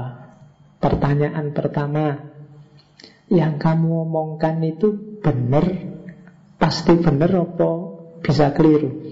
Ya saya tidak tahu sih, saya kan cuma dapat kabar, dapat informasi, belum tak cek. Oke, yang pertama berarti jawabannya tidak pasti benar. Terus yang mau kamu omongkan itu hal-hal yang baik apa yang buruk? Katanya temannya, ya yang buruk lah, mana ada sekarang gosip hal yang baik-baik. Mesti ngomong yang jelek-jelek. Makanya mau tak ceritain ini padamu. Oke, berarti bukan hal yang baik. Terus yang ketiga, kadang Socrates, kalau satu dua nggak lulus nggak apa-apa lah. Tapi yang ketiga ini harus lulus deh. Yang mau kamu omongkan padaku itu ada gunanya nggak buatku? Nah, katanya temennya, ya menurutku sih nggak terlalu penting sih, ya nggak nggak tahu juga nggak apa-apa, ya wes. Jadi katanya Socrates, berarti yang mau ngomong kamu omongkan itu nggak mesti benar, nggak bagus dan nggak ada gunanya. Ngapain kamu capek-capek cerita? Buang-buang energi, buang-buang waktu. Jadi weak mind, pikiran yang lemah. Oke, ini tadi yang jomblo. Jadi katanya Socrates, my advice to you is get married. If you find a good wife, you will be happy. If not, you will become a philosopher. Jadi katanya Socrates, tak bilangin ya nasihatku untukmu Ini belakangan Sokrates akhirnya juga nikah Apa pun yang terjadi menikahlah jangan jomblo Kalau kamu ketemu istri yang bagus Alhamdulillah hidupmu akan bahagia. Kalau kamu ketemu istri yang jelek Kamu akan jadi filosof. Ya, ya tafsirkan sendiri ya supaya tenang lah untuk bojo untuk filosof kamu bolak-balik kamu mesti mikir piye to yo piye Nah, sering mikir kan kamu lama-lama jadi filosof. Jadi katanya Socrates itu, jadi jangan jomblo ya. Ini kan kayak hadisnya Nabi, kudu nikah. Barang siapa jadi anak muda harus nikah kalau sudah mampu. Jadi my advice to you is get married, menikahlah. Ini kalimat terakhir dari apologia. Sepanjang masih bisa bernafas dan berpikir, diriku tidak akan pernah berhenti mengamalkan filsafat, mendesakkannya padamu dan menjelaskan kebenaran bagi setiap orang yang kutemui. Jadi, entah membebaskanku atau tidak, kalian pasti tahu bahwa sikapku tidak akan berubah. Bahkan tidak juga seandainya aku harus menjalani seribu kehidupan. Ya, itu kalimat dahsyatnya. Meskipun nanti ada lagi kalimat terakhir yang tidak seserius ini. Jadi ketika ditanya kalimat terakhirnya Socrates apa ada pesan terakhir? Ya setelah ini saya mati dan kalian masih hidup. Mana yang lebih baik? Hanya Tuhan yang tahu.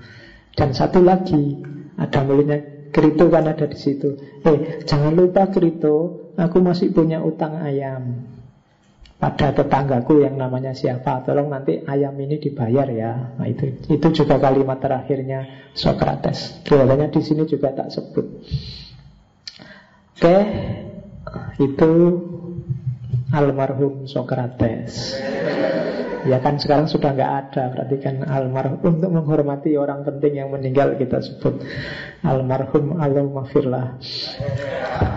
oke jadi dan memang dia mengalami nasib yang luar biasa. Justru jadi besar dan monumental diingat orang, dirujuk orang, antara lain karena dia dieksekusi.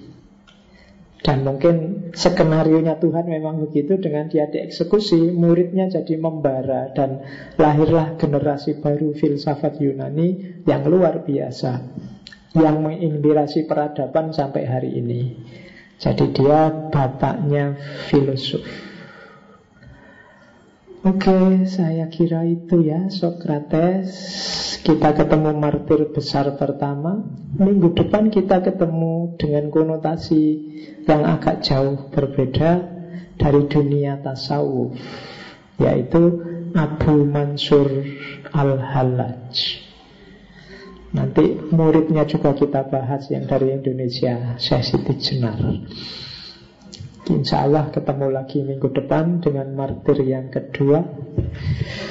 Wallahul muwafiq Wallahu a'lam bisawab Wassalamualaikum warahmatullahi wabarakatuh